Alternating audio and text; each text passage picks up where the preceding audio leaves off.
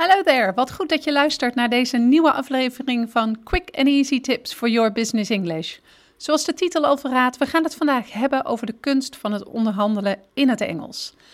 Mijn naam is Anneke Benella Drijver van Improve Your Business English en de auteur van het boek Master Your Business English: Communicate with Power in 7 Simple Steps.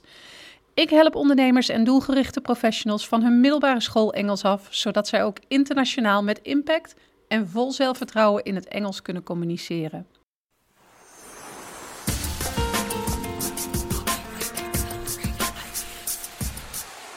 Vandaag gaat het over onderhandelen. Onderhandelen is een van de belangrijkste aspecten van het zaken doen. En natuurlijk verschilt de mate waarop het gebeurt per bedrijfstak, maar één ding is zeker: onderhandelen komt overal terug. Want heel simpel, wil je iets gedaan krijgen, dan moet je onderhandelen. En dat gaat van het verkopen van een product tot aan jouw positie op je werk, tot aan een samenwerking met een zakenpartner. En zo zijn er nog talloze andere voorbeelden waarin overleg en onderhandelen op tafel komen. Doe jij dit ook regelmatig in het Engels? Dan is deze podcast perfect voor jou. Onderhandelen in het Engels is namelijk eigenlijk een vak apart. En waarom? Want bij onderhandelen in het Engels moet je als het ware dubbel nadenken. Je moet niet alleen de juiste argumenten bedenken om je zakenpartner te overtuigen, maar je moet ook nog eens nadenken over de goede vertaling daarvan. En wat veel mensen vergeten, je bent ook nog gebonden aan een bepaalde etiketten waar je misschien nog niet eens over nagedacht had. zoals bekend zijn wij Nederlanders van nature heel direct en dit wordt door buitenlanders niet altijd gewaardeerd. Hoe hard je dus ook je best doet, als jij je directheid niet aanpast, als er een niet-Nederlander tegenover je zit, dan kan een onderhandeling zomaar misgaan zonder dat je doorhebt waarom.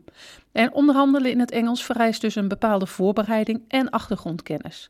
In deze podcast wil ik je helpen je onderhandelingspositie in het Engels te verbeteren met de volgende vier belangrijke tips. De eerste tip. Wees ontzettend beleefd. Deze tip sluit aan op het voorbeeld van de directheid van de Nederlanders dat ik net noemde. Omdat wij vaak erg direct zijn, voelt het misschien onnatuurlijk hè, en overdreven onbeleefd te zijn. Maar bevreed niet dat dit voor hè, de Engelsman misschien wel normaal is. Maar je moet wel oppassen, want je moet beleefdheid niet verwarren met dubbelzinnigheid, ergens omheen praten of vaagheid. Onder andere is en blijft duidelijk aangeven wat je wil en wat je niet wil. En met ontzettend beleefd bedoel ik bijvoorbeeld een paar aanpassingen in je vocabulaire. een voorbeeld hiervan is het schrappen van I need this and I want that. Dit kan namelijk behoorlijk bazig overkomen als je hier niet aan gewend bent. En voor je het weet heb je dan iemand beledigd. Je kunt beter op safe spelen en zinnen gebruiken als Could you please? En Would you be able to? Een ander voorbeeld om beleefd te blijven is het vermijden van de gebiedende wijs. Voor ons is het redelijk normaal om zinnen te gebruiken als geef mij dit en dan zorg ervoor dat dit geregeld is. Maar Engelsen zijn voorzichtiger met het gebruik van give me this or tell him that. Vervang een gebiedende wijs daarom door een nette inleiding op een vraag. Bijvoorbeeld I would like to request of I would appreciate it if. Ook met de manier waarop je reageert op gebeurtenissen kun je bepaalde onbeleefdheid uitdrukken. Als een onderhandelpartner bijvoorbeeld een verzoek heeft afgewezen, geef je natuurlijk niet zomaar op. Maar misschien ben jij gewend om je direct hè, geïrriteerd uh, of ongeduldig te tonen in het geval van een afwijzing. Maar vergeet niet dat je onderhandelpartner zoiets misschien niet gewend is. Daarom kun je in het geval van een afwijzing beter je argumenten op een rijtje zetten en dan afsluiten met: Please consider my request. Als een verzoek aan de ander hè, om er nog eens goed over na te denken. Je merkt waarschijnlijk wel dat deze manieren veel beleefder zijn om je wensen kenbaar te maken. Natuurlijk kan het ook zo zijn dat je al jaren onderhandelt met buitenlandse zakenpartners, waarbij je wel degelijk de gebiedende wijs gebruikt of irritatie en ongeduld laat zien. Good for you. Dan kan het natuurlijk gewoon. Hè? Elke zakenpartner is anders en in zo'n geval kun je daar gewoon mee doorgaan. Toch is het wel zo veilig om bij een nieuwe onderhandelingspartner misverstanden te voorkomen en voor de veilige optie te gaan. Zo voorkom je in ieder geval een verkeerde eerste indruk. De tweede tip. Wees extreem duidelijk. Vergeet niet dat je communiceert in een taal die niet je moedertaal is en misschien wel met een persoon waarvoor hetzelfde geldt. Geef daarom duidelijk aan wat je bedoelt. Dat je begrijpt wat je zelf bedoelt en wat de ander bedoelt. Een belangrijk middel hiervoor zijn de basic Engelse verbindingswoorden en signaalwoorden zoals therefore, also, besides, further, as well en such as. Deze kleine woorden kunnen ontzettend helpen als het gaat om duidelijkheid en structuur aanbrengen in je verhaal. Because gebruik je bijvoorbeeld als je een achterliggende motivatie of argumenten wil toelichten. En if is het ideale woord als je ergens een voorwaarde aan wil hangen. Dit zijn slechts een paar simpele voorbeelden, maar zo zijn er genoeg signaalwoorden die je waarschijnlijk niet kent of misschien wel verkeerd gebruikt. Het kan daarom nooit kwaad om er nog eens naar te kijken. Zoek maar eens op Google en je krijgt hele lijsten met zulke woorden. Ook met het maken van afspraken in het Engels is het handig om even te dubbelchecken. Het gebruik van will, zoals bij het afspreken van you will do this, I will do this or together we will do this, is hierbij cruciaal. Je kunt iets maar nooit te zeker weten. De derde tip gaat over overtuiging en voorbereiding. Welke tactieken kun jij toepassen om personen in het Engels te overtuigen? Als ze nog net dat laatste setje nodig hebben om overgehaald te worden. In het Nederlands heb je je woordje waarschijnlijk wel klaar, maar is dat in het Engels ook zo? Zo niet, dan is het handig om je goed voor te bereiden, zodat je, als je nog wat extra overtuigingskracht nodig hebt, je een tactiek klaar hebt.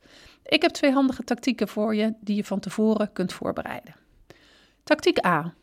Bedenk alternatieven voor je aanbod. Kun je vooraf al punten in je aanbod aanwijzen die ervoor zouden kunnen zorgen dat de ander niet op je aanbod wil of kan ingaan? Bedenk dan van tevoren een aantal alternatieven en vertaal deze voor jezelf gelijk in het Engels.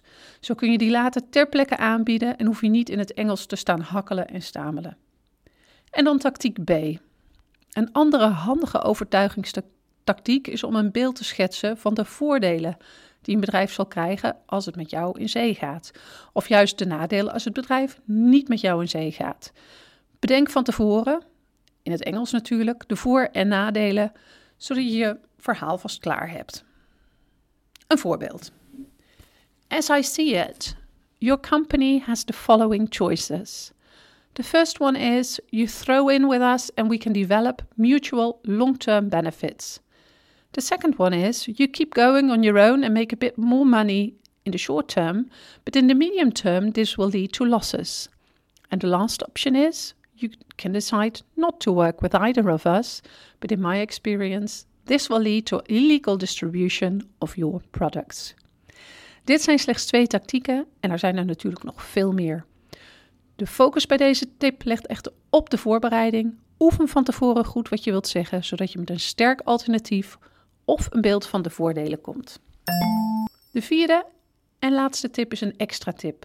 Voor als jij het echt lastig vindt om face-to-face te onderhandelen in het Engels. Wat dan de oplossing is? Schrijf. Begin gewoon met het schrijven van een goede onderhandelbrief. Neem daar de tijd voor om rustig de termen die je nog niet kent op te zoeken en de brief aan collega's te laten lezen. En krijg je na het verzenden een positieve reactie op je onderhandelbrief? Misschien een uitnodiging voor een gesprek? Dan luister je gewoon nog een keer de podcast voor de tips tijdens een onderhandelgesprek. En vergeet niet dat je na een positieve reactie op de onderhandelbrief vast een streepje voor hebt. Dit waren mijn tips om een sterke onderhandelpositie in het Engels te krijgen. Ik zet ze nog één keer op een rijtje. Tip 1 ging over het belang van beleefdheid en besprak dat je maar beter iets te beleefd kunt zijn dan dat je een verkeerd beeld schetst bij je onderhandelingspartner door het gesprek in te gaan vol Nederlandse directheid. In tip 2 besprak ik hoe je niet moet vergeten tegelijkertijd erg duidelijk te zijn. Tip 3 gaf je twee tactieken om je onderhandelingspartner te overtuigen, waarbij de focus lag op het goed voorbereiden van deze tactieken. En tot slot legde ik bij tip 4 uit dat je ook met een brief kan onderhandelen als het face-to-face gesprek je niet direct uitkomt. Bedankt voor het luisteren en veel succes tijdens je volgende onderhandelgesprek. Vergeet je niet te abonneren voor meer handige tips. De volgende keer bespreken we namelijk de meest gemaakte fouten in het Engels. En misschien maak jij die onbewust ook wel. See you next time met quick and easy tips for your business English.